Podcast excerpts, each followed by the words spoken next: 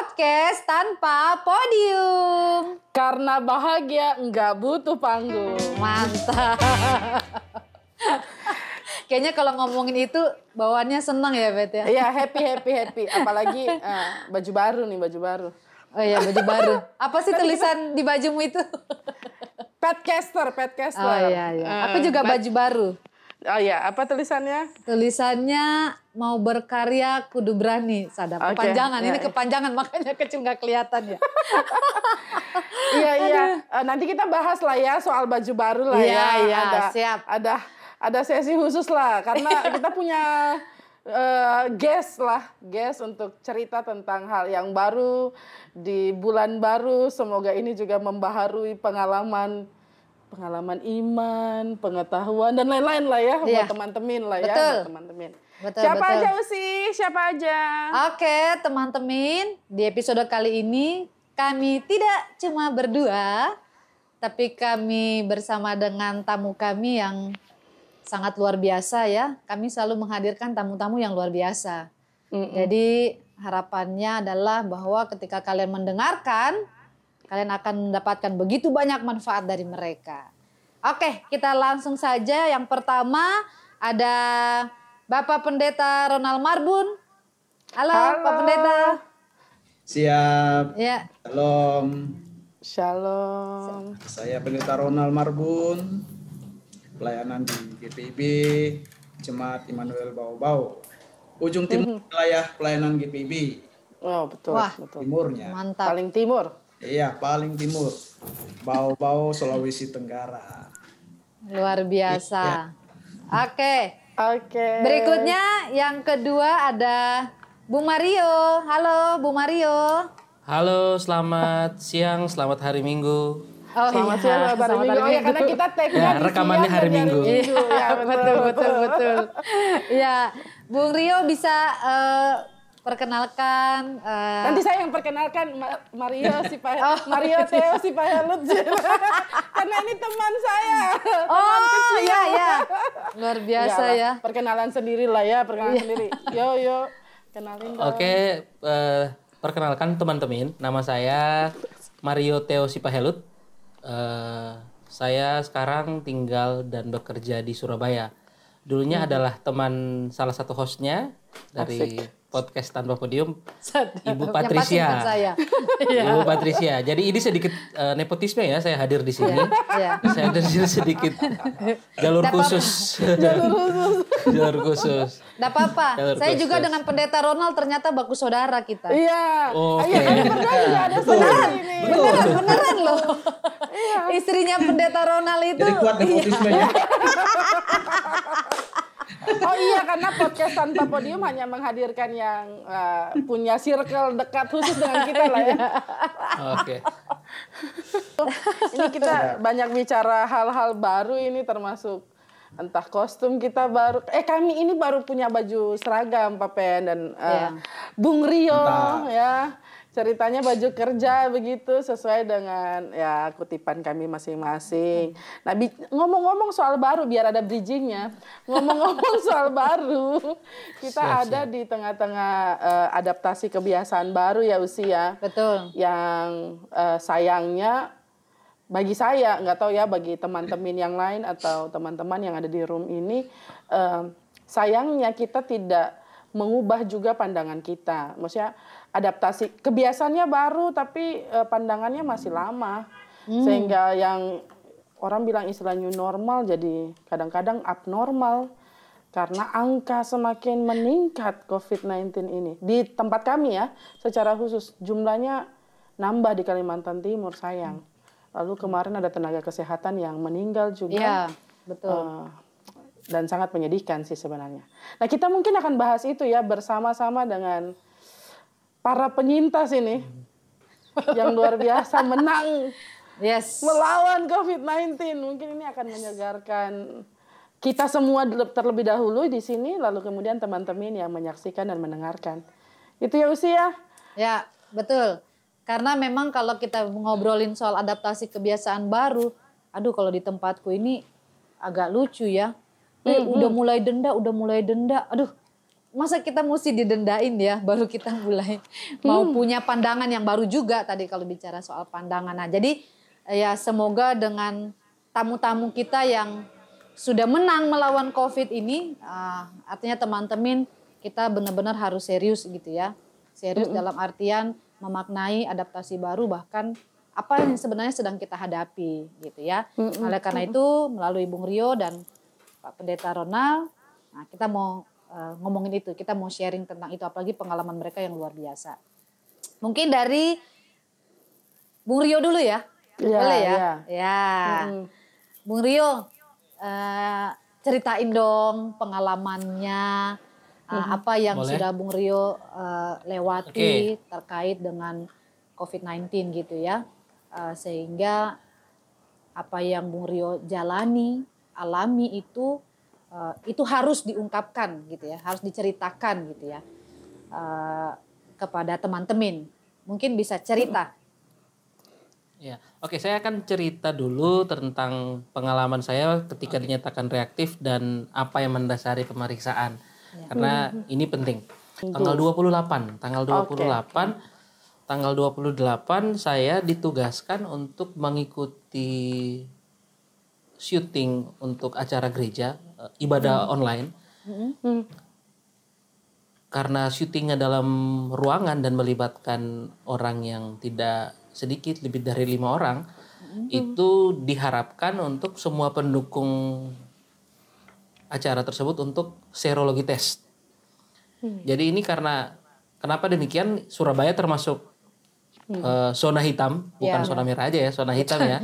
Hitam. Jadi pemerintah setempat cukup eh, ketat dalam regulasi dan ini yang disam, yang dijalankan oleh gereja sebagai eh, sebuah lembaga yang dalam pelaksanaan kegiatan yang melibatkan banyak orang juga harus mengikuti aturan tersebut. Lalu sekitar 30 orang yang tes ternyata yang reaktif cuma saya. Gitu.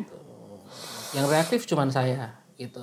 Saya eh, cukup syok dengan itu. Ya jadi ketika tesnya pagi agak si- agak siang mendekati sore saya ditelepon dan ini yang menarik. Eh, kalimatnya tuh sangat familiar dengan apa yang pernah saya dengar dulu. Nah, jadi kalimatnya tuh seperti ini ketika saya ditelepon. Eh, Mar, gak usah khawatir, kita mau infokan bahwa kamu reaktif. Tidak usah takut karena kita akan bantu dan akan selalu ada buat kamu. Ini yang ngomong ini majelis gereja. Aduh, manis sekali. Ini majelis gereja yang ngomong. Nah, ini dari situ aja saya sudah merasa bahwa oke saya ini punya masalah, tapi saya tidak sendiri. Nah, saya ceritakan dulu latar belakang pekerjaan saya. Saya bekerja di salah satu perusahaan pasar berjangka dan kantornya itu ada di mall. Gitu. Kantornya ada di mall. Se apa ya? Saya sempat berpikir mungkin karena eh, saya tidak berta- eh, berkontak langsung dengan orang-orang tapi mungkin karena sirkulasi udara karena pakai AC sentral jadi mungkin terpapar lewat itu. Sehingga dinyatakan reaktif. Ya jadi ketika di kasih tahu bahwa reaktif yang yang terlintas adalah flashback apa yang pernah saya lakukan ketemu dengan siapa saja dan bagaimana dengan istri anak dan orang tua. Ya. itu karena eh, kemungkinan mereka terpapar juga banyak. Kem- besar kemungkinannya besar untuk mereka terpapar. Apalagi istri saya yang tiap hari bersama saya eh, itu cukup membuat saya sedikit khawatir. Apalagi eh, kalau misalnya dia juga ikut terpapar anak-anak bagaimana? Itu jadi pertanyaan besar karena saya punya bayi gitu. Saya punya bayi jadi ada ketakutan terbesar juga untuk hal itu lalu yang membuat saya sedikit eh, nyaman adalah orang-orang di sekitar saya baik itu dari pihak gereja dari keluarga itu mereka lebih tenang untuk menghadapi. Kebetulan mertua saya itu pernah eh, mengha- eh, apa cancer stadium yang cukup berat dan dia survive. Jadi Oke. dia sedikit mengerti tentang imun Oke. gitu. Jadi sedikit mengerti tentang imun dan dia dari hari pertama ketika dia tahu saya reaktif dia bilang e, kamu enggak apa-apa.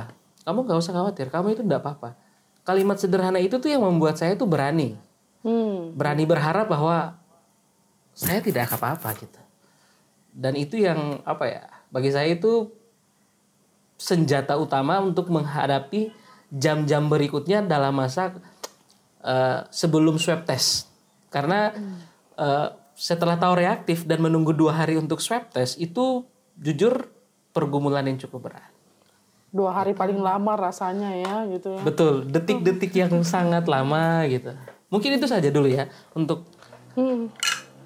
yang pertama dulu ya Betul Ya, betul ya, pengantar ya. lah ya. Iya. iya pengantar terkait dengan eh, cerita awal, eh, pemeriksaan dan Iya. lain sebagainya. Usi mau tanya hal lain lagi dulu sebelum beta tanya Pak Pendeta Ronald Marbun. Iya, kalau tadi kita jelas apa mendengarkan penjelasannya Bung Rio ini eh, di satu sisi kita ya kita pasti memahami ya kondisi ketika kita dinyatakan reaktif gitu ya. Ya, kita aja ya Pet ya yang belum periksa aja. Baru dikasih label ODP aja sudah stresnya minta ampun gitu ya. Apalagi itu sudah ada eh, tanda reaktif. Tapi memang yang kita sangat syukur itu adalah eh, ternyata masih ada komunitas yang sangat manis ya Betul. di sekeliling Betul, betul. Rio gitu ya. Komunitas yang menyembuhkan. komunitas keluarga, ah, ah, komunitas keluarga, komunitas jemaat begitu ya. Ah, cuman pertanyaannya, eh, terus bagaimana kemudian eh, proses eh, baik itu ketika dinyatakan reaktif ataupun menuju swab itu eh, apa eh, kondisi yang paling mengganggu dalam diri Bung Rio gitu ya?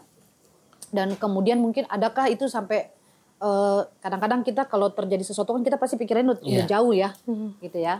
Eh, walaupun tadi kita eh, sangat manis sekali eh, pengalaman orang tua justru yang menenangkan gitu ya. Tapi sejauh mana eh, dampak dari hasil reaktif itu dalam diri Bung Rio sendiri? Apakah ya udahlah jalanin aja atau sempat mengganggu amat sangat mengganggu terus dengan keluarga ataupun pekerjaan Oke. begitu Eh, jadi setelah tahu reaktif, setelah tahu reaktif itu saya informasikan ke keluarga dan saya menginformasikan ke kantor gitu. Dan Oke. puji Tuhan teman-teman kantor juga support. Mereka memberikan penguatan, memberikan support, mereka telepon, mereka WA. Terus mereka juga ambil tindakan untuk antisipasi. Mereka rame-rame melakukan tes yang sama. Gitu karena eh, berada di lingkungan kantor yang sama. Kemudian eh, istri saya juga melakukan tes yang sama karena itu juga menjadi kekhawatiran kekhawatiran kita. Saya pernah men- selama menunggu dari reaktif sampai ke swab test, saya pernah mengalami yang namanya titik terendah dalam penantian dua hari itu. Hmm. Ketika hari pertama saya ketahuan reaktif, itu malamnya saya tidur dan ketika saya terjaga sendiri karena saya tidur sendiri, isolasi mandiri, saya terjaga di jam 2 malam dan susah tidur. Karena semuanya tuh datang tiba-tiba gitu kan. Dan itu adalah momen di mana saya mengoreksi diri saya, mengulang lagi kira-kira siapa yang kena dan mengakibatkan saya juga terpapar. Itu terlintas dalam pikiran. Nah, ketika saya sulit tidur itu eh, perasaan tertuduh bahwa aduh ini aku kayaknya kena covid kayaknya ini. Gitu. dan itu benar-benar eh, saat di mana semua sel- seluruh dunia itu jatuh menimpa gitu. Dan tidak ada yang menolong. Apalagi saya tidur sendiri kan. Itu kayaknya aduh Tuhan ini kok berat banget gitu. Tapi eh, saya akhirnya menenangkan diri. Saya tidak berdoa. Saya menenangkan diri dan cuman mengingat satu hal. Bahwa oh ya ini kebiasaan saya tiap malam. Kalau tengah malam pasti bangun gitu kan. Hmm. Oh ya tiap malam pasti saya bangun Mencoba gitu ya, thinking mau gitu iya. ya. Oh iya betul ini kebiasaan positive tiap malam pasti saya bangun jam segini ke kamar mandi terus balik tidur lagi. Oke karena sudah bangun akhirnya saya ke kamar mandi nggak ngapa-ngapain terus balik dan mendapati diri saya bahwa ya saya ini sebenarnya tidak apa-apa cuman karena jad, eh, jadwal tubuh yang sudah tersetting bahwa setiap jam segini you have to wake up, you have to do something gitu kan. Yes. Akhirnya ya sadar oh iya saya tidak apa-apa. Akhirnya ya saya berdoa akhirnya. Saya akhirnya saya berdoa saya bilang Tuhan saya tidak tahu apa yang ada dalam diri saya. Tapi satu yang saya percaya nggak mungkin ini lebih dari apa yang engkau kasih gitu. Jadi apa yang Tuhan sudah bentuk kita selama ini ya pasti Tuhan tahu kemampuan kita lah gitu. Iya, iya, iya. gitu. Gitu. Jadi saya berdoa dan saya tidur. Saya tertidur dan ketika saya bangun pagi dan saya merasa bahwa semalam itu ada beberapa menit ketika saya benar-benar uh, benar-benar down, benar-benar istilahnya ya titik terendah dalam hidup. Dan beberapa menit setelahnya saya kembali memulihkan diri saya. Gitu. Gitu. Ya kembali ke pemikiran positif ketika kita bisa berpikiran positif ya. Mungkin hal-hal negatif itu bisa dijauhkan. Gitu. Ada lagi? Jadi kadang-kadang kadang-kadang kekhawatiran berlebihan tuh bikin hal yang biasa jadi luar biasa ya. Betul. Ya, ya, emang biasa bangun kok, tapi karena itu Iya. ya, kami berdua pernah begitu juga soalnya. Apalagi Iya. ibu yang satu ini ya. Hal biasa tiba-tiba sesak. Gue kenapa ini jangan-jangan. Iya betul. Iya betul. Aku sampai begitu loh, Bung. Sampai sampai dalam keadaan di mana enggak sampai sesak pun udah dirasa, duh jangan-jangan sudah positif, sudah ada. Oh Awal-awal iya, kan ada yang menarik. Udah Ya, ya, ya. Ah, Ya. Saya lanjut ya. Jadi karena eh, saya baca di internet, ya karena terjaga saya baca di internet, oh gejala-gejala orang kena COVID kan, sesak nafas. Besok paginya saya bangun lebih pagi dari biasanya dan saya lari pagi. Saya harus mengukur dong, saya harus mengukur kekuatan tubuh saya, paru-paru saya, gitu. Jadi saya harus mengukur. Jadi saya bangun lebih pagi, saya lari, lari pagi. Karena saya memang biasa lari pagi dan saya tahu kemampuan tubuh saya berlari dan waktu tempuh. Hmm. Ketika sampai di rumah saya melihat bahwa waktu tempuhnya normal seperti biasanya dan kondisi tubuh saya biasa gitu. Hmm. Gitu. Jadi tidak ada eh, drop yang istilahnya itu yang perbedaan signifikan tidak ada. Jadi saya menganggap bahwa oke tubuh saya kayaknya tidak apa-apa.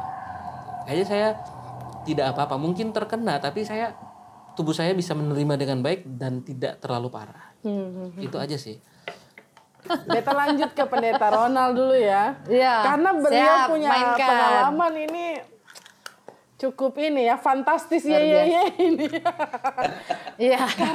Itu GP Karena ya. 70 berapa hari, Bapak? 77 ya? Eh, 77 hari. Oh, kali tujuh berarti kalau kali tujuh sama dengan Alkitab itu. itu dia. Pengampunan itu ya. Pengampunan. Memberi maaf. Yang dua hari aja sudah ini ya setarkan Iya. diri ya. 77 Sudah sesak gitu ya. sesak. Kami yang dalam pengawasan 14 hari aja udah bete banget gitu dengan status itu Iya. apalagi Papen. Tapi betul. sebelum sampai pada masa-masa kemenangan begitu, Papen boleh cerita awal-awal enggak? Eh, pengalaman pertama, mungkin mungkin pendeta Ronald ini sudah sering sekali diwawancarai ya terkait dengan pengalaman eh, sebagai penyintas COVID-19 tapi boleh berbagi dengan kami lah ya dengan teman-teman juga Teman-teman. pengalaman awal ketika Pak Pendeta dinyatakan positif COVID-19 tuh apa yang dirasa Pak Pen? Atau jangan-jangan ini siapa lagi yang sudah tularkan ini virus ke saya? Boleh share Pak Pen? Ah iya, terima kasih. Jadi kan berawal dari eh, sebetulnya sejak bulan Maret ya. Ada apa yang dibilang klasternya Bogor. dan T. Jadi mulai di situ kemudian muncul lagi klaster Sidang Mupel. Hmm. Jadi di Sulawesi Tenggara ada klaster apa gereja di Raha itu. Raha. Teta Irma pada waktu itu bagaimana sibuknya kita di sosial Sebagai bara pus. ketika Ya. pada waktu itu awal-awal tentang pandemi COVID ini. Jadi pada waktu itu Ya. setelah pulang dari Raha itu bulan Maret awal saya demam gitu ya. Hmm. Termasuk si kecil. Si kecil juga demam. Nah, istri itu demam juga ke, ke bulan April, bulan April. Tapi pada waktu itu karena alat rapid test itu kan susah sekali di sana. Betul. Bahkan Ya, saya waktu betul. itu sempat dibawa oleh Kodim ke Kendari, ke provinsi. Aku ya. Gila. Dijemput kok Iya. Jadi Sulsel Barat semua tentara yang turun tangan gitu kan. Kami nih, kami nih. Penjara. Jadi Oke. saya bersama dengan ketua dua Pak Tarigan itu akhirnya ke Kendari, ke Kendari ke Rumah Sakit Batramas karena pada waktu itu Sulawesi Tenggara rujukan untuk COVID hanya di Sulawesi Tenggara itu hanya di Kendari gitu ya. Nah, kami dikawal oleh satu tentara gitu. Sampai ke Kendari, sampai di Kendari ya ternyata hanya dilihat saja. Eh, Bapak sehat katanya. Bapak saja, jangan ke sini. Kalau sini malah betul, berbahaya. Nah, pada betul. waktu itu masih tiga yang terkonfirmasi positif di Sulawesi Tenggara. Oke. Daripada Bapak ada di sini, Bapak lebih berbahaya, ya kan? Oh begitu. Jadi kami sehat. Oh sehat, kan nggak masalah. Nah, saya ceritain sebetulnya saya pernah demam, anakku demam. Tapi dokternya itu ketua gugus itu, ketua gugus jubirnya di Sulawesi Tenggara pun nggak apa-apa, pulang saja. Padahal kami kan naik kapal itu lima jam, bawa-bawa ke Kendari, gitu ya. Mhm. Karena kami sudah jam 11 malam, kami cari penginapan, besok pagi baru kami pulang. Ya saya senang-senang saja, sehat-sehat gitu. Oh, saya sempa- sampaikan sama jemaat, sehat sudah, nggak ada apa-apa. Jadi biasa-biasa saja gitu tuh. Nah, Bupati tetap cross check ke saya, masuk Ibu Irma, pengen tanya terus. Saya bilang nggak apa-apa, sudah sehat. Malah situ saya tanyakan, oh saya kirim kronologis untuk apa pergi ke Kendari pulang dan diadakan sehat. Tapi dalam diri saya ini saya merasa nggak nggak puas gitu ya. Hmm. Saya nggak puas Ya. untuk apa merasa eh, saya perlu cek. Mhm. Ternyata rapidnya yang tidak ada. Nah ternyata bulan April pertengahan April Rumah Sakit Seloam Bau-Bau menyediakan rapid mandiri. Bisa rapid tapi bayar 489.000 ribu. Hmm, lumayan ya. April itu tidak mau, ah, biarin ah kamu udah sehat. Tapi ketika kawan, rekan pendeta di Raha, pendeta Sambrut, Mhm, mhm. dengan jemaatnya waktu itu terkonfirmasi positif langsung. Berapa enam orang apa tujuh orang ya? Iya, betul. Menambah lagi perasaan ini, gitu ya. Hmm. Mau mau mau ingin tahunya, sehingga saya bilang ke PHM saya mau rapid sajalah, biar mandiri. Saya bilang, oh ya silahkan Pak, saya rapid di Seloam dan ternyata ah, hasilnya reaktif, gitu ya. Dari di Seloam saya yang pertama reaktif, mungkin sudah sekitar 100 orang yang rapid mandiri di Seloam. Semuanya itu non reaktif. ya. Iya. Jadi ketika saya Oke. saya sudah ketika saya satu jam nunggu hasilnya tuh, ketika saya datang, terus kemudian datang uh, perawatnya dua orang, mereka bagus ikut, kamu saja yang beritahu. Oh karena tidak terbiasa ya, nggak Iya. enak begitu. Nah, saya lihat bah gaya bahasa tubuhnya begitu, saya sudah punya feeling yang uh, tidak enak gitu ya. Oh ini reaktif ini. Eh. Ternyata ya, ketika mereka duduk, ini Pak Ronald, Bapak saja yang baca, katanya kan. Wih, tambah lagi gitu. lagi Disuruh baca loh pasiennya ya. Iya. setelah saya baca eh ternyata reak- reaktif dan non itu reaktif orang. itu kan bahasa bahasa medisnya ya pikiran saya lu rapid itu positif negatif. Eh, ini nggak ada positifnya sebelah kan. Maksudnya Iya, iya, oh iya. maksudnya begini pak kalau reaktif itu adalah positif non reaktif itu ya negatif. Nah, Hmm. jadi wih langsung saya langsung ya sama seperti Bung Mario tadi mengatakan kaget ya. Iya, iya. istri saya sama anak lagi nunggu di mobil saya langsung telepon pada saat itu kalian langsung duduk di belakang Gak usah Iya. sentuh mobil gak usah sentuh-sentuh ini langsung pakai hand sanitizer pokoknya lap terus ya karena sudah dikatakan reaktif gitu kemudian ya kemudian disampaikan ya bapak ya cuman ini kan belum tentu positif Hmm, hmm. Nah, untuk mengetahui bahwa ini adalah virus COVID, eh, maka lakukan swab dengan PCR itu. Eh, kemudian dijadwalkan kalau untuk PCR dan selanjutnya itu bukan tanggung dari tanggungan dari pasien, tapi sudah ditanggung pemerintah, Pak. gitu kan. Jadi dua hari kemudian saya tunggu ya sama seperti Bung Mario, dua hari saya menunggu apa namanya untuk swab itu tidak bisa tidur ya Resah, gelisah. ah, gelisah dan ya langsung isolasi mandiri tidak kontak sama keluarga memisahkan apa tidur sendiri terus kemudian apa tempat makan semua kita sendiri yang lakukan sampai nunggu hasilnya jadi sejak itu ya dalam hati ini rasanya bagaimana ya kenapa kok bisa kena? Pertanyaannya dari mana? Kalau dikaitkan dengan Ya. PST Bogor sudah dua bulan. Sudah lama, iya. Ya. iya. Terlalu lama, Ah, terlalu jauh. Dikaitkan lagi dengan Praha juga sudah lama, sudah hampir dua bulan juga. Betul. Tapi ya saya bilang ya udahlah, mungkin terkontaminasi dari kita kan nggak tahu ini namanya virus yang tidak kelihatan gitu ya. Betul. Jadi dari mana munculnya ya ya sudah pokok jalanin sajalah. Yang jelas niat niat saya pada waktu itu mau rapid test supaya saya merasa puas bahwa saya dalam tubuh saya ini ada nggak virus. Tapi ketika dinyatakan reaktif ya saya harus menerimanya gitu ya. Berusaha untuk menerimanya untuk melanjutkan di swab begitu. Dua hari kemudian saya mau di swab dijadwalkan dan saya swab lagi. Eh, kemudian satu minggu ya menunggu hasilnya. Satu minggu menunggu hasilnya dan ternyata hasilnya langsung ditelepon oleh pihak puskesmas yang nelpon gitu ya. Sebetulnya sebelum pus- puskesmas nelpon dokter yang ditunjuk di bawah-bawah untuk menangani COVID-19 nelpon saya video call. Hmm. dia video call Pak Ronald ya? Iya oh bagaimana Pak? Kondisi sehat sebenarnya? Oh ya enggak saya hanya mau memantau saja. Hmm. tapi dari situ saya sudah tahu sebetulnya. Berarti hasilnya akan positif. Dia hanya mau menanyakan. Saya bilang sama istri tumben-tumbennya dokter ini nelpon. Selama seminggu tidak ada nelpon kok sebelumnya ini sudah seminggu berarti hasilnya sudah keluar nih sebenarnya. Ya. Sudah keluar, ya. bilang kayaknya ini ada sesuatu. Oh ya tunggu saja.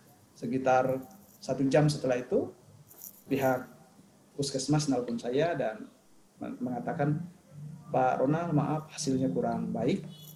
Hmm. Nah, jadi apa Pak Ronald siap-siap eh, nanti akan dijemput.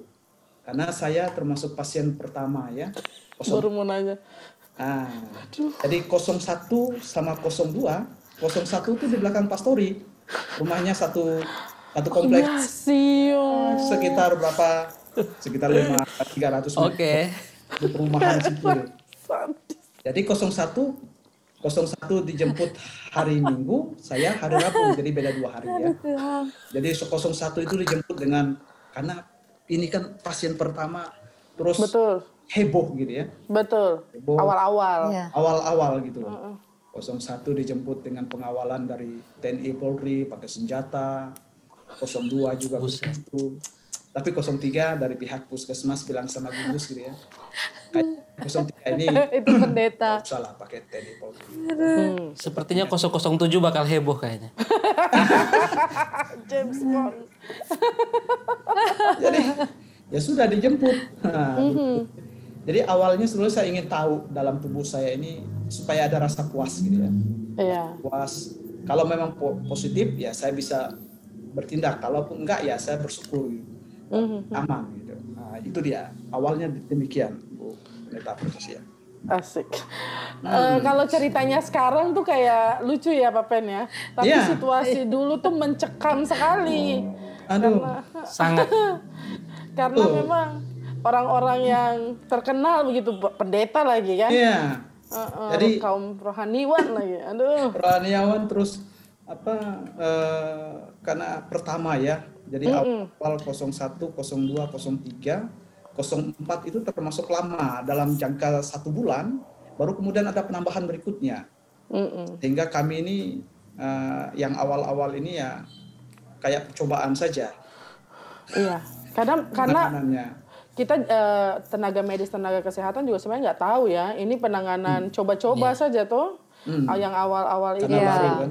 Iya. betul eh, swab dan lain sebagainya. Nah sebelum sampai di pada akhirnya menang dan berdamai itu Pak Pen boleh tahu kalau gitu lingkungan keluarga jemaat ketika tahu Pak Pen kalau keluarga pasti Hmm. lebih ini ya lebih sportif ya jemaat gimana Pak Pen apa mereka topang atau Jadi setelah saya dinyatakan positif, eh, maka tracing kontak langsung dilakukan ya.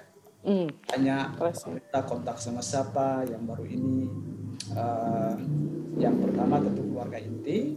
Mhm, Yang saya sampaikan beberapa jemaat yang baru ber- apa apa bertemu dengan saya dan kemudian eh, mereka ditindaklanjuti untuk dilakukan apa rapid test. mhm. rapid test. Eh, reaksi dari jemaat eh, ada yang simpatik, tentu juga ada yang empatik gitu ya. jadi ada juga yang ya biasa-biasa saja. Hmm, hmm. Ah, jadi Hmm. yang pertama itu misal yang yang yang yang dia yang pertama menyalahkan gitu ya ada juga yang menyalahkan tentang sikap saya itu gitu ya yang ah, Aduh. melakukan pemeriksaan rapid test jadi saya juga tahu informasi ini ketika saya setelah keluar. Gitu karena istri tidak berani memberitahu. Karena nanti takut terpikir apa jadi pikiran di Wah bijak ya. Ya, dia nggak- tapi saya sebenarnya sudah mengetahui karena ada tanda-tanda dari WA grup, status-status istri saya gitu ya. Saya sudah melihat ada sesuatu yang tidak tidak nyaman. Jadi ada yang menyalahkan saya, kenapa Pak? Pendeta tuh rapid test? Nggak usah saja, diam saja, nanti juga sehat. Iya, ada yang sampai begitu, sampai antipatik gitu ya. Jadi rasa kayaknya, loh, jadi menganggap toh nanti dia nggak ada gejala toh, dia kan nggak perlu ada penanganan khusus, tidak perlu infus, tidak perlu ini segala. Dia kan sehat-sehat saja nanti akan pulih sendiri. Malah ada yang mengatakan "Eh, jangan sok-sok lah, gitu loh. Sampai begitu saya juga terserah mereka mau tonton ini apa gimana gitu ya. Ya ya kan itu fakta, itu fakta tuh. Betul, betul. Jangankan ini ya, sorry, jangankan Pak Pendeta aja, kita aja. Ya, ya memang disalahkan. Mereka nggak Ya tahu udah, bahwa aja lah itu tindakan eh, Ya, tindakan apa yang pahlawan jujur ya, sebenarnya dan yang berani. ODP patuh itu Iya. pahlawan kan gitu-gitu atau Ya, yang mereka melapor Iya, untuk rapid itu ya pahlawan. jangan jadi pahlawan kesiangan lah gitu loh. Aduh. Entahlah, apa namanya Ya, eh, pokoknya ya pokoknya nggak usah nggak usah nggak usah rapid nggak usah cek kan nggak masalah dia dia tidak sakit kok. Aduh, loh saya, itu yang antipati gitu ya yang tidak tidak ada ininya. Jadi mereka menyalahkan saya. Padahal saya niatnya awalnya ya untuk memutus mata rantai penyebaran ini. Betul. Betul, betul. saya merasa Mendeteksi baik. ini. ya Aduh, jadi saya juga heran kenapa mereka berpikiran demikian gitu ya. Mm, mm, mm. Eh, apa namanya? Tapi ya sudahlah. Yang itu. Tapi tidak sedikit juga yang simpatik gitu ya. Ada empati dalam diri mereka terhadap persoalan saya sehingga mereka selalu nanya kabar bahkan mereka selalu apa mensupport saya dengan apa memberi makanan tambahan. Iya, ruang isolasi Papen Ronald nih penuh ya Iya. dengan eh ruang isolasi ya. saya makanan susu buah segala itu lengkap. Apa? Logistik lengkap. ya jadi ada yang masak berebon ya dikirim ada yang masak ini rica dikirim gitu. Aduh saya sampai saya 77 hari naik 3 kilo. 3 sampai Iya. jadi ada juga yang apa namanya ya peduli lah. Hmm, hmm. apa namanya yang perhatian gitu. Dan mereka merasa mereka malah apa berpikir terbalik dengan orang yang tadi. Mereka bilang lah bersyukurlah Pak Pendeta mau melakukan tes itu kalau Periksa. enggak kita bisa kena gitu. Ya. dia Iya. apa dia rela untuk masuk ke ruang isolasi yang demikian demi mencegah supaya tidak apa kita tertular ya Betul. kan berpikirannya demikian gitu loh harus berpikir begitu dan ada jemaat yang seperti itu sehingga itu juga yang membuat ya saya bersyukur juga tidak semua jemaat yang menyalahkan saya apalagi yang saya sebut nama-namanya itu yang kontak sama saya mereka kebanyakan tidak setuju kenapa Oh. bawa nama-nama nama kami ya istilahnya kalau mau mati ya mati sendirilah gitu loh Kasihan. Padahal, padahal tujuannya sebenarnya baik mau ya. menyelamatkan mereka Iya, betul.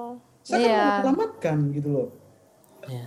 dan itu pertanyaan Kan itu memang pertanyaan. apa Masa saya sempat kontak Betul. dengan siapa, Betul. kontak dengan siapa Betul. toh? itu ditanyakan jadi saya beritahu dengan si A si B si C. Ah, jadi mereka kayak tidak siap memang ketika saya memberitahu nama-nama mereka. Sehingga mereka eh, menyalahkan saya memang di situ. Menyalahkan saya walaupun ya tidak terekspos lah apa, ungkapan mereka tapi dari informasi-informasi yang saya dengar eh, demikian. Jadi mereka nggak usah lah nggak usah apa namanya eh, sebut-sebut nama.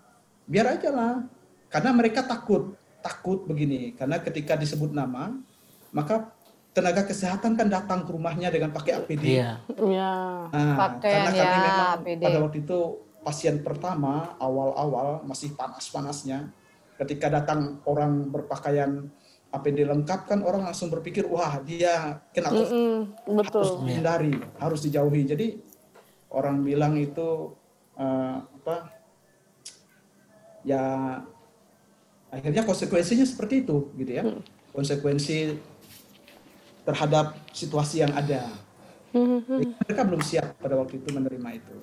Tapi ya bersyukur dalam perjalanan mungkin melihat saya terlalu lama begitu ya.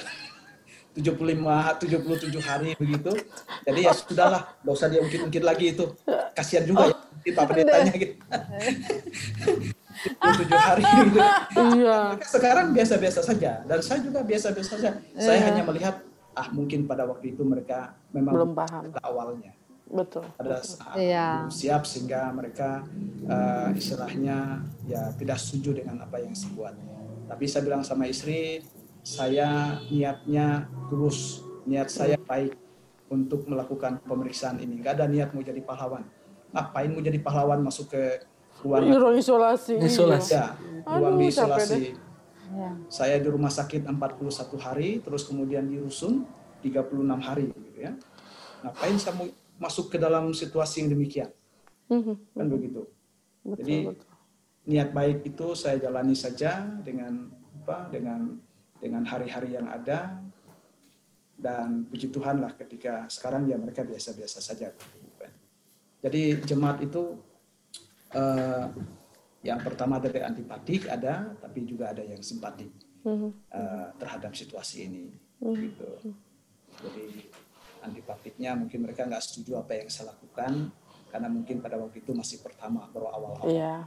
masih hot-hotnya orang masih takut-takut gitu ya. Eh, betul, betul.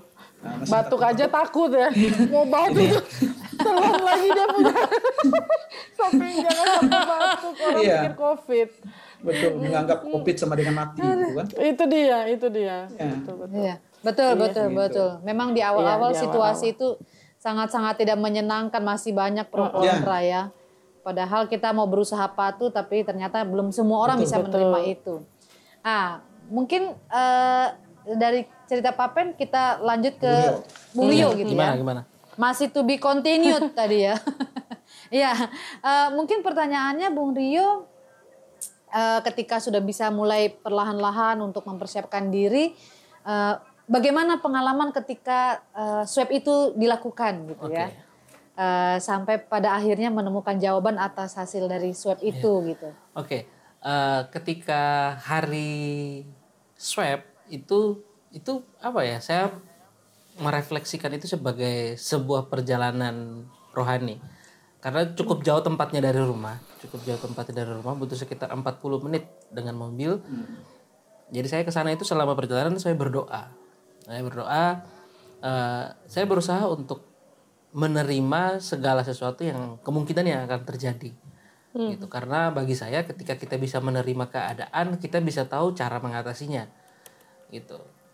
Berbanding terbalik jika kita menolak kita nggak akan mau untuk mengoreksi dan memperbaiki diri gitu jadi saya berusaha sudah berpikir eh, untuk segala kemungkinan jadi selama perjalanan saya tenang saya diantar sama istri untuk swab selama perjalanan itu ya saya cukup banyak berpikir dan uh, mempersiapkan diri. Ya ketika sampai di rumah sakit berkumpul dengan beberapa orang yang dijadwalkan untuk swab test. Nah itu bagi saya uh, seperti diperhadapkan dengan uh, masa penghakiman. Ini kamu habis habis ini kamu dites dan itu suasananya cukup mencekam karena kita berhadapan dengan orang duduknya sudah dengan jarak yang disesuaikan semua menggunakan masker, petugasnya menggunakan APD lengkap, dan bagi saya itu merupakan suasana yang tidak ingin orang lain rasakan. Jangan sampai tes deh, gitu. Jangan sampai di proses swab testnya duduk di situ aja saya rasa pasti sudah tertuduh sendiri ngapain sih di sini gitu. Nah, ketika di swab Ya. test ya eh, itu dimasukin alat ke hidung kan itu cukup eh, menit-menit yang krusial dalam diri bahwa setelah ini pertandingannya akan dimulai. Hmm. Iya kan? Menunggu hasilnya. Saya tiga hari sudah keluar, tapi dibilangin sama dokternya nanti hasilnya 3 sampai lima hari.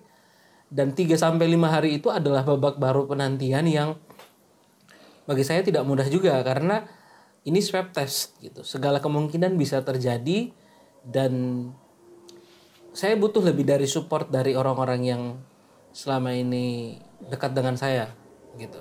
Orang tua saya saya kasih tahu bahwa saya barusan swab test. Eh, dia cuma tanya makanmu gimana, kesehatanmu gimana.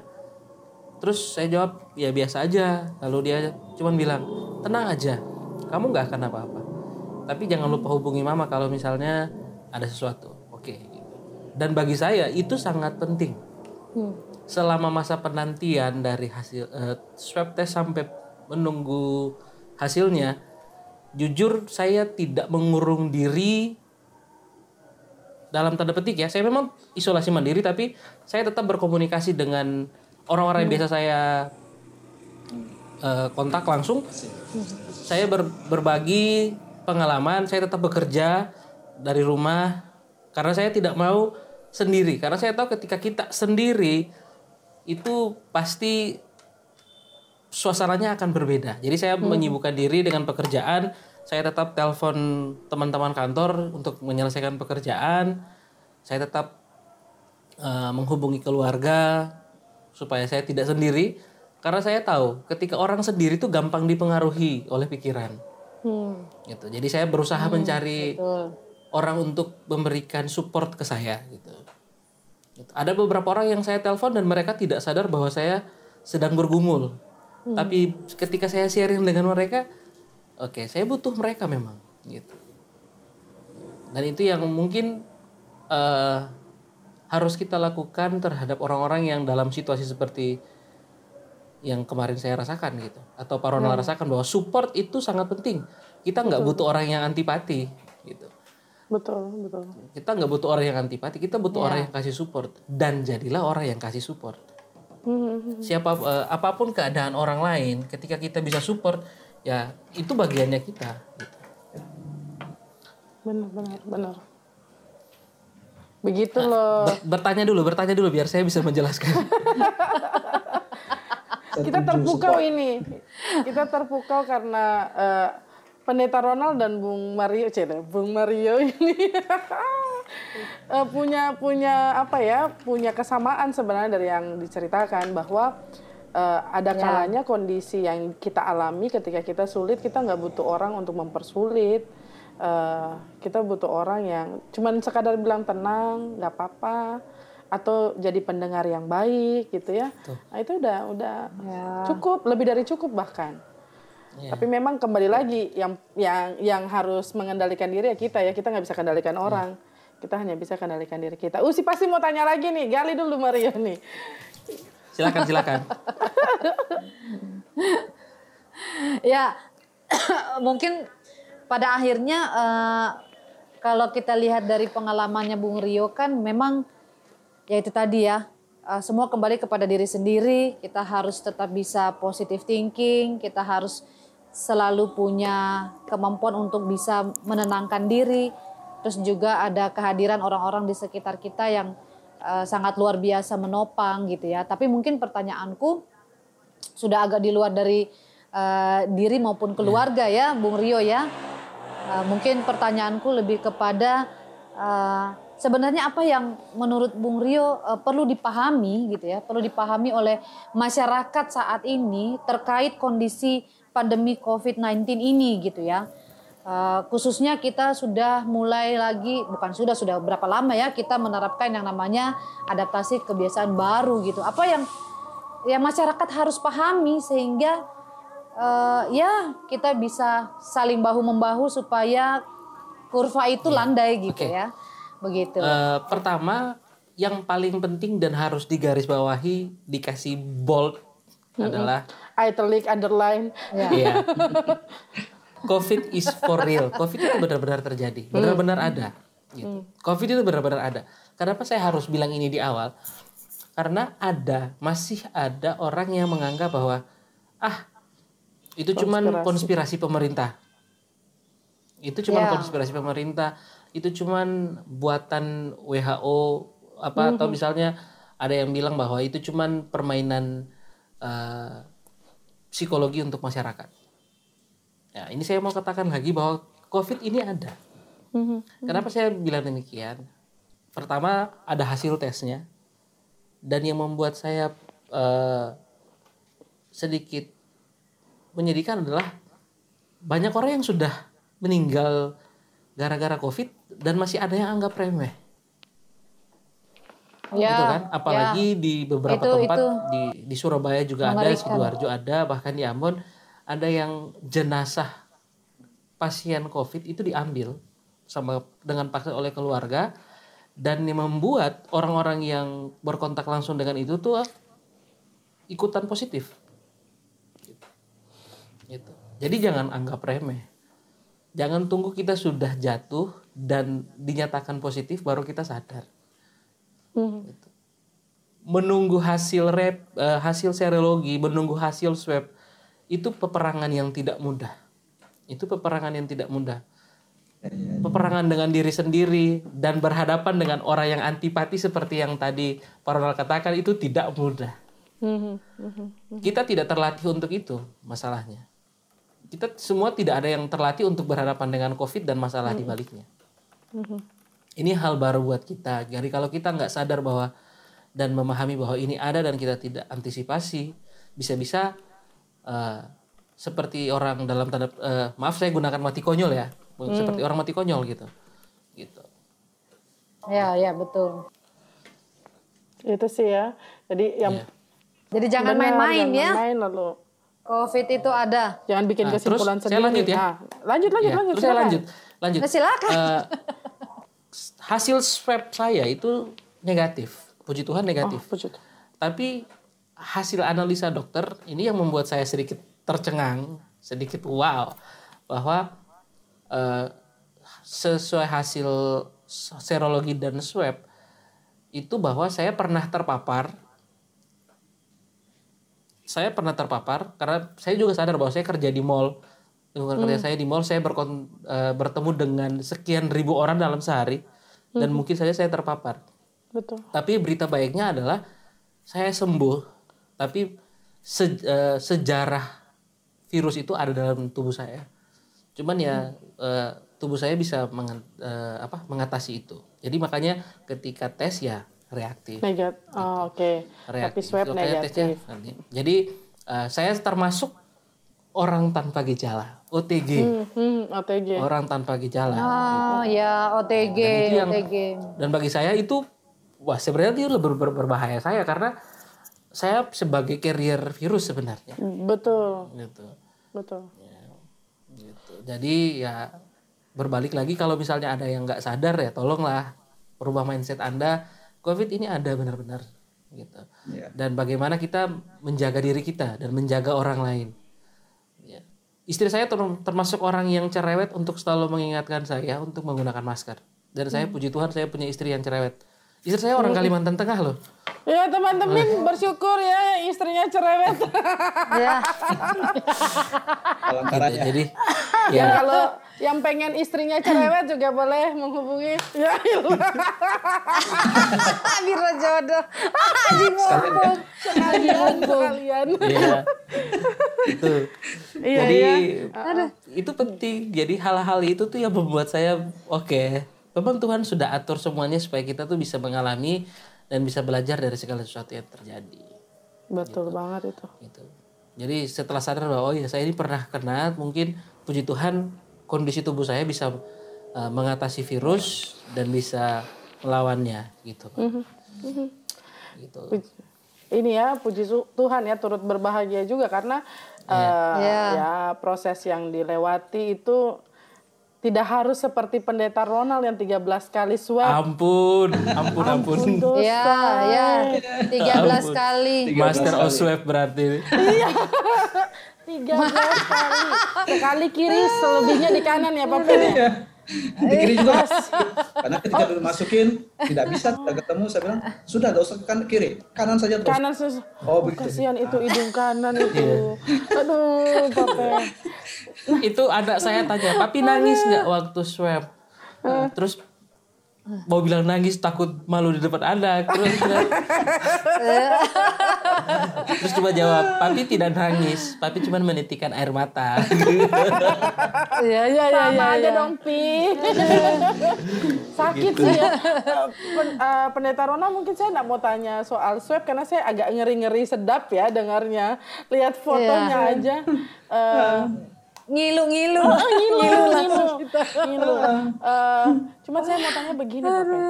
Eh, apa yang tadi sempat Mario, eh, Bung Mario sampaikan di awal ketika majelis gereja memberitahukan hasil rapid ya, reaktif, terus kemudian Pak Pens pernah berhadapan dengan orang-orang yang antipatik juga, eh, tapi kemudian bisa berdamai dengan itu. Yang jadi pertanyaan inti karena pendeta tuh latar belakang pendeta apa yang seharusnya pa- pastoral yang bagaimana semestinya di masa-masa new normal ini supaya eh, orang-orang yang kan kadang-kadang kita udah lengah ya lengahnya itu bukan hanya bicara Ya. soal eh, masyarakat yang abai dengan protokoler kesehatan tapi kita mungkin yang sudah kayak terbiasa oh covid oh reaktif nggak apa-apa. Padahal mereka-mereka ini juga butuh pendampingan. Ini reaktif ini bukan Ya, bicara ya, "Eh, betul. nggak apa-apa reaktif itu kan bukan cuman covid ada virus lain. Kan nggak begitu juga. Kan harus ada eh, pendampingan-pendampingan khusus yang sekadar semangat atau mungkin karena mereka sudah letih bilang semangat kita tinggal dengar aja cerita mereka kalau ada apa-apa. Nah apa yang harus gereja lakukan? Atau setidaknya pendeta Ronald sekarang ini sedang lakukan yang mungkin menginspirasi kami-kami ya pendeta-pendeta atau yang terlibat dalam pelayanan aktif di jemaat Mario. Kan pasti ini ya Bung ya. Cile Bung nih bro bro.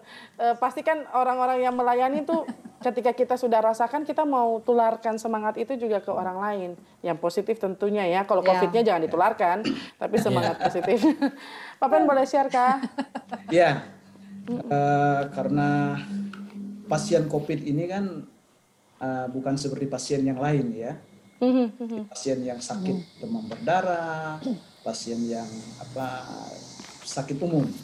Ini pasien COVID ini dibilang sakit tapi sehat, apalagi yang OTG tadi.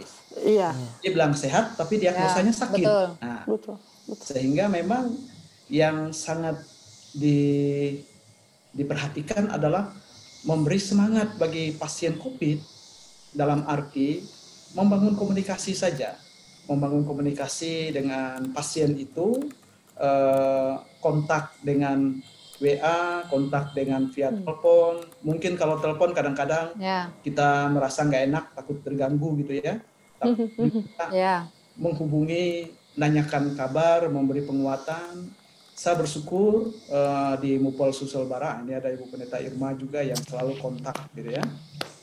Dan bangga saya selalu menanyakan kabar gitu apalagi saya juga biasanya menyampaikan hasil dari swab saya selama 13 kali itu hasilnya itu kan dulu itu dua kali berturut-turut negatif gitu ya. Tapi hasil saya itu positif negatif positif negatif positif negatif positif negatif positif. Astaga. Listrik saja gitu. Sehingga saya tetap dinyatakan positif gitu ya.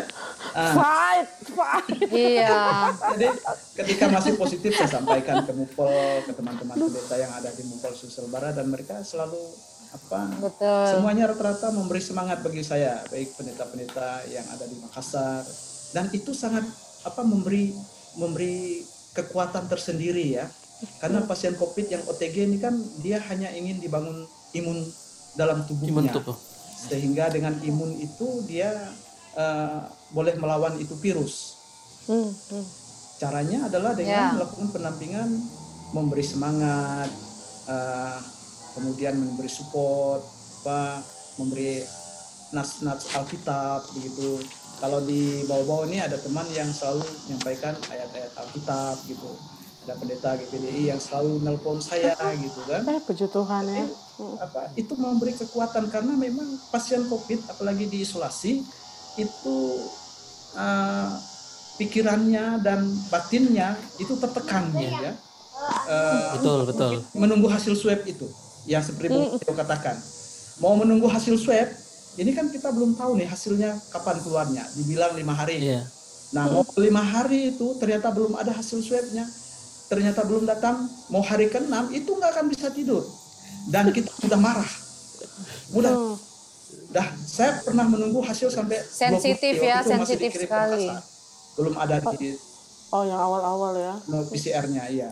Tapi menunggu lama, terus pikiran, perasaan mikir keluarga, terus ketakutan. Tadi dikatakan kalau ada sedikit aja sakit dirasa di perut gini, "Ih, jangan-jangan ini tanda-tanda COVID-nya menyerang ini. itu kalau sudah begitu, arah pikirannya sudah yang enggak-enggak. Aduh, saya mau mati nih. Kalau mati nih, aduh, saya di, di, dimakamkan secara apa? eh, Eh, protokol protokol. Ke secara Ah, ko- protokol, COVID. protokol. dan tidak ketemu lagi keluarga. Jadi saya itu waktu dijemput, waktu dijemput dari pastori gitu ya, eh, pakai ambulan, saya masih enak-enak, masih masih kuat lah. Tapi ketika saya sudah sampai di rumah sakit, di ruang isolasi itu, dan saya sendiri di situ, ternyata 01, 02 di ruangan yang di depan, di situ baru saya sadar, eh saya ini pasien COVID, yang konsekuensinya kalau ada apa-apa, saya nggak ketemu keluarga dan keluarga nggak lihat saya. Nah, itu ketakutan Iya. itu yang selalu Iya. muncul dalam pikiran. Iya. Sehingga kalau ada sakit sedikit, pikirannya, ih, jangan-jangan COVID sudah menyerang. Dan jangan, Hmm, mati. jangan, kalau jangan. mati ini, aduh, bagaimana rasanya ini. Nah, itu ketakutan itu sehingga support dari rekan-rekan majelis atau pelayan-pelayanan dari gereja itu memang harus dilakukan. Misalnya tadi dari lewat WA, lewat eh, apa Telepon. telepon atau mungkin misalnya mau kasih support untuk memberi uh, makanan tambahan gitu misalnya Bir brand, bir brand. ya kalau mau kasih rekening juga nggak apa-apa Betul. Iya, iya, iya, iya, iya, iya. gitu kan Kita terima enam sembilan itu itu lebih lebih bisa juga gitu kan kasih Langsung naik imun, langsung naik imun. namanya, eh, eh, saya saya ternyata setelah lama itu teman-teman pendeta Ibu Irma nih selalu nanya Pak Pen eh, vitamin masih adakah Hmm. masih saya bilang ternyata Iya. saya banyak dikirim oleh orang gitu ya Sinode juga ada kirim juga gitu ya jadi saya bilang masih Bu Iya. Pen jadi ada jemaat-jemaat yang di Surabaya dokter dia kirim juga ke saya vitamin C vitamin E. Jadi sampai sekarang ya puji Tuhan vitamin stok ada gitu ya. Jadi apa namanya hal-hal yang begitu memberi semangat ya memberi Hmm. apa oh ya puji Tuhan ternyata masih ada yang perhatiin saya. Dan bukan hanya pasiennya ya mungkin ya keluarganya juga. Apa Betul, betul, eh, Ya, istri dan betul anaknya. keluarga. Betul. memang kalau hanya pasien saja keluarganya juga harus dilihat juga gitu. Tapi saya bersyukur juga di sini eh, khusus pribadi-pribadi jemaat itu ada juga yang perhatian gitu ya selalu nanya kabar gitu selalu kontak istri saya memberi semangat eh, terus kemudian ya apa yang dibutuhkan tolong beritahu Bu Pen gitu ya kan biar kami bisa bantu.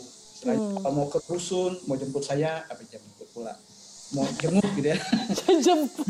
Sabar dulu, sehat dulu Ya. baru dijemput. jadi kalau misalnya Saking udah nggak sabar mau ketemu tuh. ya kalau mereka mau lihat kan dari jarak jauh nanti di mereka jemaat yang antar gitu nah jadi beri juga semangat ke keluarganya karena memang eh, hampir sama ya perasaan tentu ya keluarga dengan pasien itu istri atau suami yang kena itu sama anak-anak saya eh, melihat anak yang masih kecil gitu ya tapi ternyata masih kecil juga dia bisa merasakan seperti yang Bung Mario tadi katakan bagaimana Pak nangiskah kan? Ya kan Eh, ya kadang-kadang ya kita merasa sedih ya tidak berjumpa gitu.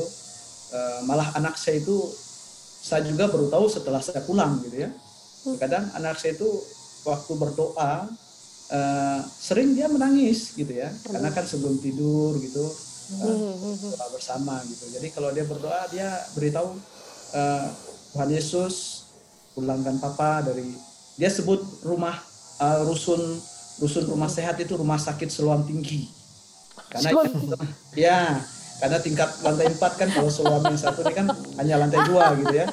Jadi Pintar Kalika. dari rumah sakit seluam tinggi kok nggak pulang-pulang Tuhan Yesus? Sampai nangis kata mamanya mamanya nggak beritahu sama saya takut jadi akhirnya pas sedih gitu toh nah jadi beri semangat kepada pasien itu dan keluarganya dan kemudian tadi support ya yang. Malik katakan support itu perlu memang malah janganlah kita menyalahkan gitu ya Betul. kalaupun salah jangan kita korek-korek Ya. dulu gitu loh seharusnya Betul. tuh Ya, Ada yang salah ya nanti loh. Kena di mana? "Ayo, kita lagi berjuang kok Dapat di mana? Di- Benar. gitu. kalaupun nanti ada waktunya ada Memang tempatnya itu dibahas ini membahasnya kita Betul. lagi di dalam sana sudah dijauhi oleh perawat kami tidak ada Ya. kontak sama orang sama sekali Ya. kami kalau mau keluar pagi saja waktu itu sakit 41 hari itu hanya untuk berjemur ketika mau keluar perawat lari dulu ke ujung sana baru kami keluar Lari. ketika mau masuk lari dulu. Makan juga harus di apa namanya makanan itu mereka masuk ke ruangan kami itu dengan APD lengkap. Kalau nggak APD lengkap mereka taruh di luar gitu ya. Iya, iya. jadi terasa terasa diasingkan gitu. Betul. diasingkan. Lah ini kita sudah merasa itu di dalam bergumul dengan kesehatan kita. Kemudian di luar tidak mendukung kita. Ngap ada apa ini kan malah Iya. mempersalahkan kita seharusnya kan dalam kehidupan kita sebagai orang Kristen kan apa pun kondisi orang itu supportlah dulu mas Iya. atau salah atau benar nanti dulu situasinya kita lihat Iya. kan begitu seharusnya Betul. ya. Nah, tapi ini kadang-kadang ada orang yang demikian gitu yo yang apa marah duluan terus kemudian membangun suasana yang nggak sehat malah kasarnya ada yang mengatakan kenapa GPB selalu bermasalah misalnya Iya ya karena digadang-gadang klaster ini itu loh Ya, kesiannya. tapi Dari saya klaster bilang Bogor. sama istri saya dan keluarga niat saya baik ya dari awal maka Ya. selesaikan Ya. ini dengan baik ya ya ya. niat sebaik dari Ya. awal saya selesaikan ini dengan baik tidak ada niat apa-apa ya Mhm, Eh, apa namanya ya kita jalanilah semuanya itu mhm, Eh, apa pun orang nanggapi ya biarlah dulu situasinya berjalan mhm. pas saya bilang dan ini sakit ini bukan sakit aib saya bilang Betul betul. ya Nah, saya itu perlu. mengatakan saya ini bukan sakit karena saya, tapi ini wabah, wabah global yang kena ke saya, kecuali ini sakit yang karena perbuatan saya. Misalnya saya sakit karena eh, maaf kata HIV atau ke narkoba gitu kan, karena kesalahan saya, itu saya malu. Tapi kalau ini saya nggak malu, sehingga sampai sekarang dikatakan pasien 03 juga nggak masalah bagi saya, saya nggak mau malu. Iya. gitu. Mhm. Nah, Iya.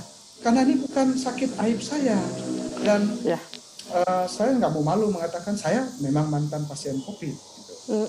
Karena ini bukan sakit yang memalukan bagi saya, tapi ini yang saya terkontaminasi karena situasi dunia yang lagi wabah pandemik sekarang begitu. Betul Iya. betul. Beda kalau sakit yang lain gitu, misalnya karena saya salah, ya oke lah kalian salahkan gitu ya, dan saya mungkin malu. Gitu.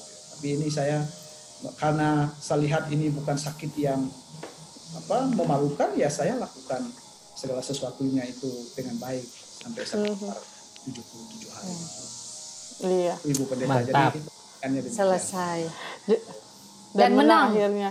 Jadi Ya. intinya eh, kalau memang kita karena covid relasi eh, fisik sudah berjarak, jangan juga relasi jadi terhalang Betul. begitu ya. Betul. Tetap Setuju, setuju. Ya. pakai media apa pun lah untuk kasih semangat buat Betul. mereka yang berjuang. Betul. Dan ketika menang ya kita sama-sama Ya. bersyukur gitu ya. Sama-sama senang, sama-sama bersyukur. Ya. Kalau kata orang Ambon tuh begini Pak Pen.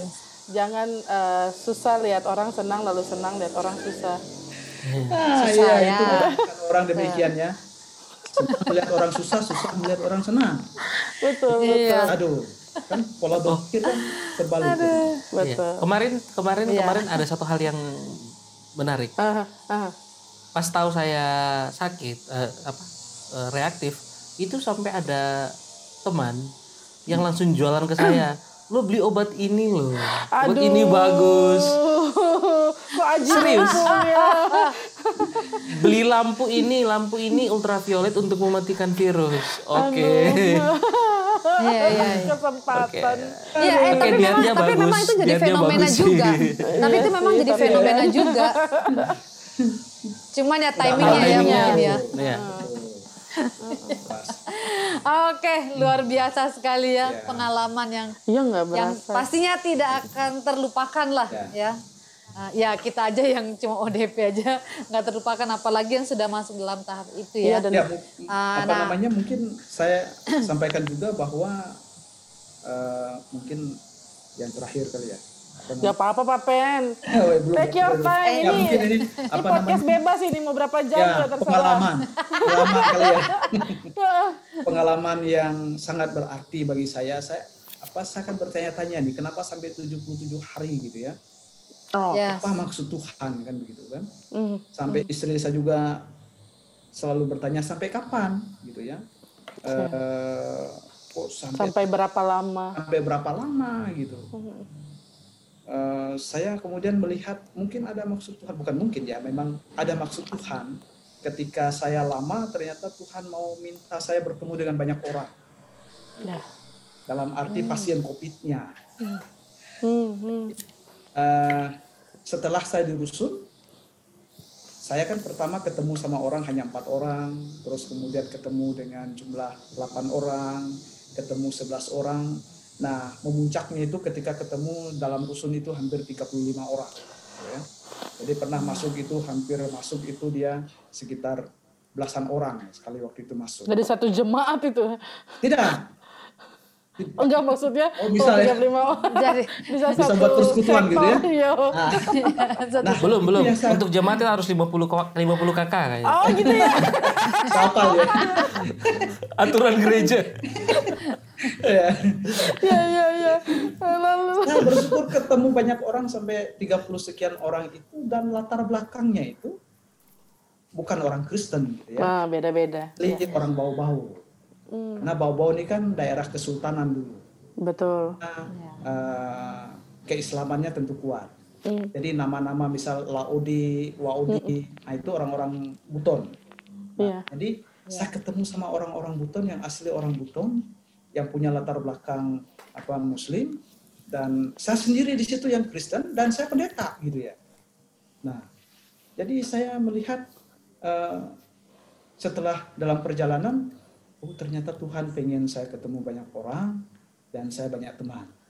Hmm. Dan selama saya berada di rusun itu sebagai pasien, puji Tuhan mereka tidak pernah manggil nama saya Ronald Ronald gitu ya.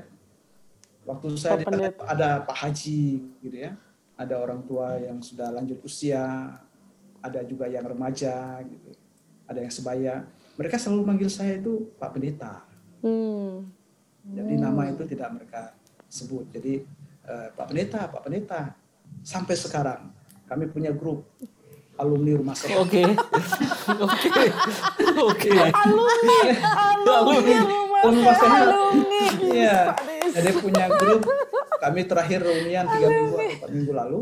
Kami Mantap. gitu ya. Reunian. Iya. Reuni. Iya.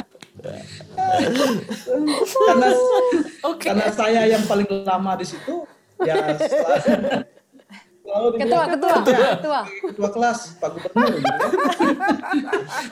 senior senior jadi kalau ada yang baru masuk tanya senior mahasiswa baru yang masuk. Seru banget jadi ya. jadi sampai sekarang kalau kita kontak di grup itu ya selalu ya akhirnya ya pertemanan jadinya dan akhirnya orang tahu Ya. Pak Pendeta gerejanya di mana Hmm. di lampu merah oh yang Immanuel di PB iya Kesaksian, kesaksian. akhirnya kan orang tahu apa memberi kesaksian secara tidak langsung Betul. Nah, Ya. memberi kesaksian secara tidak langsung kepada orang-orang di bawah-bawah dan juga bahkan pemerintah mungkin ya karena saya karena pasien yang terlama eh, saya ditanya-tanya tuh Dapat penghargaan. jadi oh, apa namanya orang-orang semua pada nanya itu pendeta itu kok lama-lama jangan-jangan dipermainkan betul? Oh. Iya iya iya. jangan-jangan konspirasi. dipermainkan gitu ya konspirasi ini malah ada orang bilang sudah ajak jemaatnya demo ke gugus Oh kasihan. kan keluarkan Astaga. Nah, kan sampai apa eh, merasa demikian rasa kayak nggak percaya sudah gitu. Hmm, hmm. Saya bilang sama majelis tidak usah pokoknya doakan saya itu saja saya katakan doakan saya doakan saya dan keluarga saya jadi waktu itu kemudian mempertemukan banyak orang dan kemudian ya di pemerintah ya sebagai pendeta kan tentu cepat kecium gitu ya apa namanya Iya. eh, pasien yang terlama kok nggak pulang-pulang Hmm. malah ter sempat saya diinformasikan oleh orang katanya saya ini kena kena kena gula tadi kan ada diabetes Oh kan. Ada diabetesnya makanya ya lama itu gitu juga ya. saya ketahui setelah saya keluar saya bilang wah diabetes saya bilang obat dikasih Makin digoreng, makin enak. ya itu. jadi itu jadi apa pengalaman itu saya refleksikan Hmm. kok bisa lama sampai 77 hari itu saya percaya ada maksud Tuhan bahwa saya Tuhan ingin bertemu mempertemukan saya dengan teman-teman yang ada di bawah-bawah ini Iya. supaya banyak teman gitu ya terus memberi kesaksian tentang gereja GPIB di sini Hmm, hmm. itu dia Luar biasa. Ya itu ibu Seru ya. Emang kalau cerita pengalaman kayak begini nih nggak cukup waktu ya. Nggak cukup waktu. Nggak cukup waktu. Pasti ada banyak hal yang Iya. bisa kita gali lagi, tapi ya. Ya. mungkin ada part berikutnya kali ya. Ya. Kita reunian. Boleh, boleh, boleh. Kita reunian, kita reunian juga. Alumni episode ada berapa pendeta ini ya? Desi Desi Natalia juga itu kan lama itu Oh iya Ya, betul. ya. Itu teman angkatan kami itu Pak Pen. ya kami. saya sempat juga apa kontak dia saya kontak pendeta Henry saya kontak Iya. Waktu saya masih di isolasi tanya pengalaman tuh saya tanya apa yang lama-lama ini waktu itu pendeta Henry 44 hari ya saya nelpon sama Betul. 47. 47. 47 nah, Iya. saya nelpon dia saya masih sekitar 8 hari sudah berapa hari Bung Ronald 8 hari oh saya Belum. 47 hari 27 hari Jadi kayak saing-saingan berapa lama ya? Oh, Iya. aku duluan. Ya. pendeta Desi saya telepon saya lama 74 hari oh 74 hari saya berdoa janganlah saya melewati pendeta Desi ternyata melewati Rekor. Rekor rekor baru. Mahasiswa abadi. Mahasiswa. itu dia Oke deh. oke Ya, mungkin Closing apa? statement mungkin ya ya. Ya, mungkin closing statement dari Bung Rio ataupun Pak Pendeta, uh, apa yang mau disampaikan, uh, mungkin secara khusus buat uh, orang-orang di luar sana yang sedang berjuang di ruang-ruang isolasi ya, baik itu mereka yang terkonfirmasi positif maupun para tenaga medis yang berjuang gitu ya, Uh, ataupun yang yang bisa menjadi pemberi semangat pun juga dengan masyarakat ya, masyarakat jemaat. supaya jangan lengah, Ya. jangan abai, Ya. teman-teman juga supaya tetap jaga kesehatan, jaga kebersihan dan lain sebagainya. Silakan, Silakan. pada Oke. ahlinya. ya, Bung Rio dulu, Bung Rio dulu. Aku aku duluan ya. Ya. Oke, mungkin dari saya pribadi untuk masyarakat luas itu jangan lupa jaga kesehatan, tetap menggunakan masker, cuci tangan dan jaga jarak. Betul. Karena itu ca- sat- eh, salah satu cara untuk menghindarkan kita dari serangan COVID. Dan yang berikut, kalau misalnya eh, sekiranya ada orang yang menjadi pasien atau terindikasi ataupun yang reaktif, jangan pernah tinggalkan mereka. Mereka butuh kita. Jadilah orang-orang yang memberikan kekuatan buat mereka karena pertandingan mereka itu melawan diri sendiri dan melawan penyakit itu sudah berat. Jadi kita harus bisa membantu mereka baik itu lewat WA, lewat telepon, eh, lewat doa atau mungkin eh, makanan tambahan itu penting supaya mereka tidak merasa sendiri dan mereka juga bisa merasakan bahwa eh, Tuhan hadir dan kita sebagai sesama itu juga hadir. Yes, gitu. Thank you. Yang beda kalau anak pendeta nih. Iya. ngomong.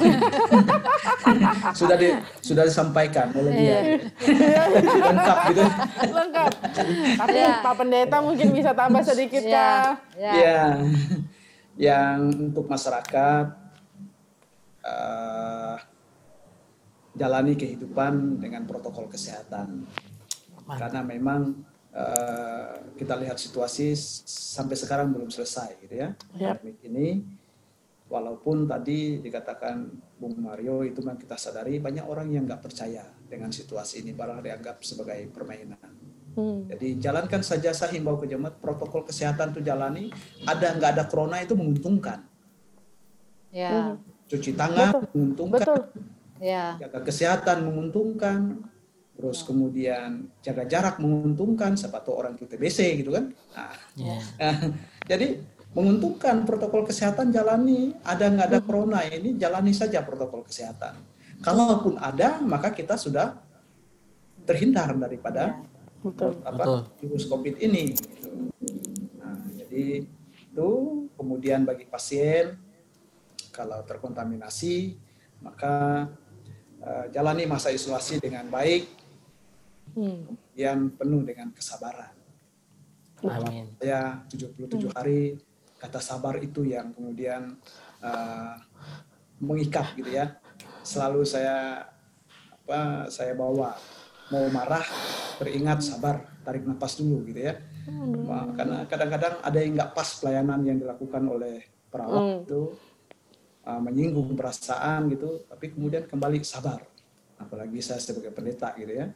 Jadi dituntut juga seperti itu. Bebannya nambah ya. Mau nggak mau ya begitu. Iya, tapi iya, iya, iya. memang harus sabar karena kalau nggak sabar imun tubuh akan tidak baik Iya, drop. menurun. Jadi eh, jalani segala sesuatu dengan kesabaran, terus lihat segala sesuatunya tentu dalam kacamata iman, ada maksud Tuhan dalam hidup kita, dan kita yang sudah tadi Bung Mario katakan mungkin apa terpapar, kita yang sudah terpapar ini sebetulnya ada positifnya gitu ya. Eh, kita sudah terbentuk antibodi dalam tubuh Ya, antibody betul. sehingga ketika berhadapan dengan COVID itu antibodi ini yang kemudian langsung menyerang. Beda dengan orang yang uh, belum. Tapi bukan berarti kemudian akhirnya Mau rasa bebas dulu ya. Itu poinnya. Betul. Berarti kita Jangan karena sudah sampai. merasa sudah ada antibodi akhirnya mau maunya dia. Ya. Bukan vaksin antibodi itu. Nah, Hmm, betul. kehidupan ini terus kalau kita memang pasien ya jangan malu mengatakan kita pasien karena bukan aib tadi saya katakan. Ya. Betul. bukan aib. Katakan saja memang saya sudah pernah apa terpapar COVID-19 dan untuk apa kita sebagai gereja tetap topang Hmm. pasien yang terkontaminasi jangan jauhi, jangan hindari. Eh, kalau sudah sembuh gitu ya, Ya. karena sekarang sudah sembuh tetap saya Iya, tetap takut Iya. gitu ya. betul. saya sampai sekarang dan saya juga tetap apa menjaga Itu jarak betul. gitu ya. Jadi saya tidak setelah saya keluar sampai sekarang saya tidak mau kunjungan ke bukan tidak mau uh, tidak kunjungan ke jemaat bukan berarti saya tidak peduli tapi Perhatian, saya ya. harus melihat situasi karena jemaat belum tentu menerima atau Ya. Betul, kita betul. datang kemudian tidak ada damai sejahtera. Betul. Tapi saya mau katakan eh, jalani semuanya dengan protokol kesehatan, tetap berdoa, terus kita jalani adaptasi kehidupan baru ini dengan peraturan yang ada. Kita tidak takut, kita jangan takut menjalani kehidupan rutinitas kita, tapi kita juga jangan cuek terhadap virus ini. Apa bahwa ini memang ada, kata Bung Mario katakan. Ini memang ada apa, ter- apa, tersebar di sekitar kita. Kita tidak takut menjalani segala rutinitas, tapi juga kita jangan mengabaikan protokol yang ada supaya kita Yes. Betul. Saya pikir itu dari saya. Luar biasa. Mantap. Mantap. Ini udah semua ini. Ini eh, Semua maksud hati ya, Ben? Men- Menteri Kesehatan harus berterima kasih terhadap podcast tanpa podium ya. Karena menghadirkan penyintas COVID-19 yang berbicara jauh lebih apa ya, bernas ya. Yes, Dibandingkan betul. hanya sekadar imbauan-imbauan tulisan-tulisan Iya. yang mungkin orang Yang sudah lulus capek. cum laude. Iya, Parona iya, lulus iya, cum iya. laude kayaknya. Ini nggak kumlot ini, 77 hari, terlama. Oh iya betul betul betul. Senior senior. Senior. Tapi disegani, nggak kuat nggak Iya. apa-apa yang penting Iya. disegani. Iya, Dapat respect, dapat respect Iya. dari penghuni rusun. Iya. Lebih penting. Jadi pengalaman Terima yang kasih berharga. ya Pak Pendeta Ya. Ronald. Ya, sama-sama. Terima Ronald, kasih. Sama-sama. Terima kasih Terima banyak. kasih. Saudara, Ya, ya, sudah teman-teman, dengan kita. eh, Jadi ya. Usi, bagaimana? Ini teman-teman eh, simak ya dari semua apa yang tadi disampaikan oleh Bung Rio ataupun Pendeta Ronald. Itu semua sangat berharga bagi kita di dalam memasuki eh, adaptasi kebiasaan baru saat ini. Nah, teman-teman eh, jangan lupa pokoknya untuk selalu ikutin episode demi episode dari podcast tanpa podium Sudah mulai bisa didengarkan ya setiap Rabu malam. Ya. Sudah mulai bisa didengarkan di Spotify dan juga Oke. setiap Sabtu malam sudah bisa ditonton di kanal YouTube Podcast Tanpa Podium. Iya, kalau mau tahu update beritanya follow aja IG podcast tanpa podium ya. Ya, Yang belum betul. follow ke mana aja, ke mana aja. yang nggak punya IG nggak apa-apa, yang nggak punya IG nggak apa-apa. Oke kalau begitu ya. Ya. Eh, sampai jumpa di episode, Episode ber- se- selanjutnya. Ya. Sekali lagi terima kasih. Terima kasih Bung Rio, Pak Pendeta Ronald. Iya. Pak Ronald nanti kapan-kapan kita reuni Pak Ronald. Ya. Iya iya iya. Oke. Oke. Roni mantan pasien. Ya. Asli. Saya Patricia pamit. Saya Irma pamit. Papa Mario yang- cabut. Oh, siap. Ya. Mario cabut. Dia terkenal cabut juga. Dadah. Siap. Sampai jumpa di podcast. Tanpa Podium berikutnya, teman-teman. Terima kasih. Dah. Semua terima kasih. Tuhan berkati. Tuhan Tuhan berkati. berkati.